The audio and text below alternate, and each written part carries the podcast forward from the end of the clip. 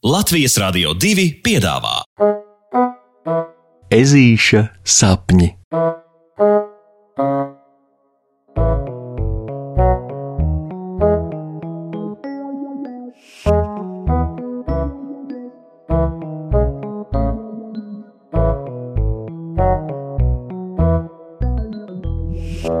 Ezītis tecina sulas.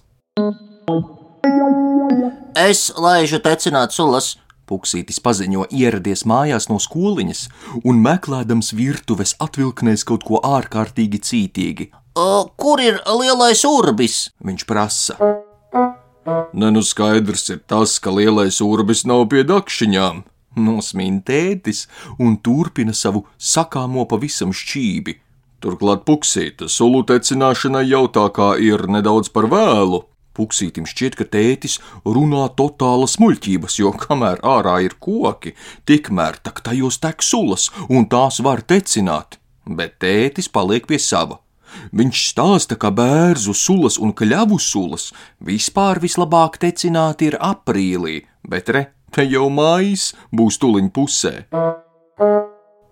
Un it kā no kļavām jau vēl kaut ko tecināt varētu gan, bet meleņu ieplakā kļavu nav diži daudz, un tā viņš gudri stāstītu un stāstītu, bet puksītis ņem un tēti pārtrauc. O, bet mums taču ir eglis. Un mums ir priedes, un mums ir pāris mūžveci ozoli, un vēl mums dārzā taču ir ābeles un plūmes un, un ķirši. Un man liekas, ka, piemēram, no mazā dzeltenā tā ļoti, ļoti, ļoti saldā ķirsīša stumbra noteikti tecēs ārā pilnīgs ķiršu sīrups. Ežulim no domas viena acis spīd, un viņam kāri jāaplaiza savas lūpas, jūtot kā lielā slāpe mācās viņam arvien lielāka virsū. Viņš aši grib urbt sulu. Tāpēc ežuks vēlreiz ierokas teju līdz padusēm virtuves piedarumu atvilknē. Kaut kur taču tam urbim jābūt. Oi, čempion! Bet sulas jau nemaz nevar tā ņemt un tecināt no jebkura koka.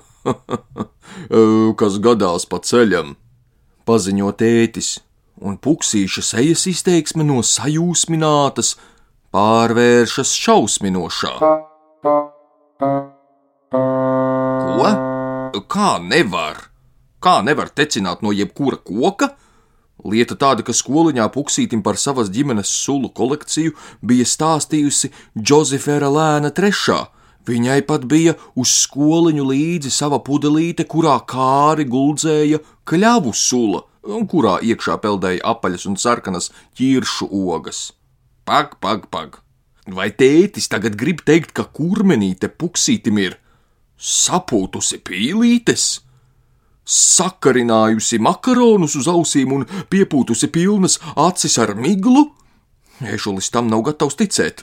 Tāpēc neviena vārda neteicis, viņš apmetas uz papēža un dodas pagalmā. Viņš taisnā solī iet uz to dārza vietu, kurā slēdzas viņa un Džozeferas kopīgi celtā piramīda, jo zem tās taču ir vistiešākā ieeja kurmju eju tuneļos. Džozefera! Džozefera!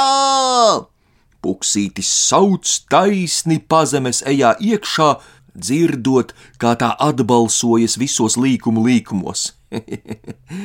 Skan mazliet bailīgi un jau pēc neilga mirkļa Džozeferas apaļā piera ar būkšķi atsitas pret puksīša pieri, un abi nu pieres sāpīgi berzēdami sēž pie tuneļa ieejas. Uh, uh, sveiks, puksīti! Tu mani sauci? Kas noticis? Džozefera vaicā un miedz savas tuvredzīgās atšķeles ciet, apžilbdama no virzemes spožās gaismas. Klau! Nu, tu taču man piestāstīji pildu galvu ar visādiem brīnumiem par gardām sulām. Bet mans tētis saka, ka no visiem kokiem sulas nemaz nedrīkstot tecināt, turklāt nu jau to darīt vispār esot par vēlu, tāpēc es tev prasīšu taisni un gaiši. Vai tu man samelojies? Un Atbildes vietā uz lielo jautājumu Puksītis sajūta ap savu ķepu stingru Džoziferas lēnas trešās tvērienu, un knapi pagūdams iekliekties, ā! Viņš tiek ievilkts kurmanītes pazemes pasaulē. Oh, oh, oh, oh! Ežulis vēl nekad nav bijis ciemos pie Džoziferas, vēl jo vairāk viņš nekad nav bijis kurmju ejās. Kas te tik nav ko redzēt? Tur ir muzeji un gardumu krātuves, tur ir bezgalīgi skapji, skaistām štātēm un darba rīku telpas. Tur ir atpūtas istabas, kas no vienas vietas pilnas ar grāmatām, un tad jocīga istaba, kurā zaigo dažādi kristāli, visvisādās varavīksnes krāsās līdz pēc neskaitāmiem līkumiem un pagriezieniem augšu plejup, puksītis ar Džozeferu nonāk kādā īpašā telpā, kura pilna ar dažādām pudelēm un burkām, uz kurām skaidri un gaiši rakstīts bērzu sula ar kadiķi, kaļavu sula ar augsti žāvētiem ķiršiem, lielā ozola sulas esence, dzidrās ābeles sula ar cidoniju gabaliņiem un tā tālāk un tā joprojām. Lūk! Džozefera lēna trešā apmierināti norāda uz pudeļu pilnajiem plauktiņiem, pierādīdama puksītim, ka mānījusies viņa nav ne tik cik melns aiz naga, Izrādās, ka kurmji jau izsenis ir lielākie sulu meistari no visiem rāpuļiem, lidoņiem un zvēriem, jo viņi, pazemes pavēlnieki būdami, sulas var uzglabāt svaigas un gardas krietni vien ilgāk, kā visi, kas dzīvo virszemē.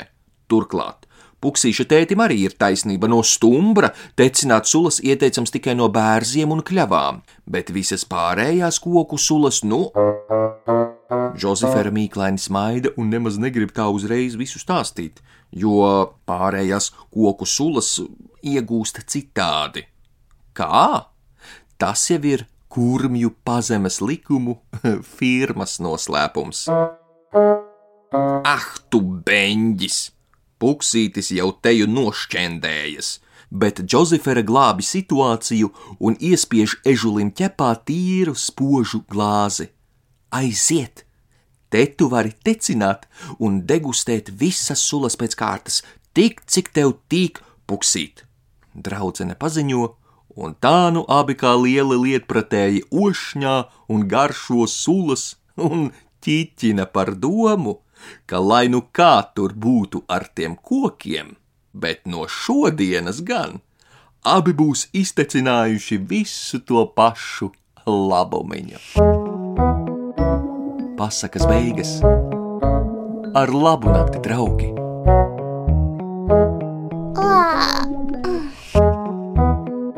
Saldus tev sapnīšus un tiksimies rītdien!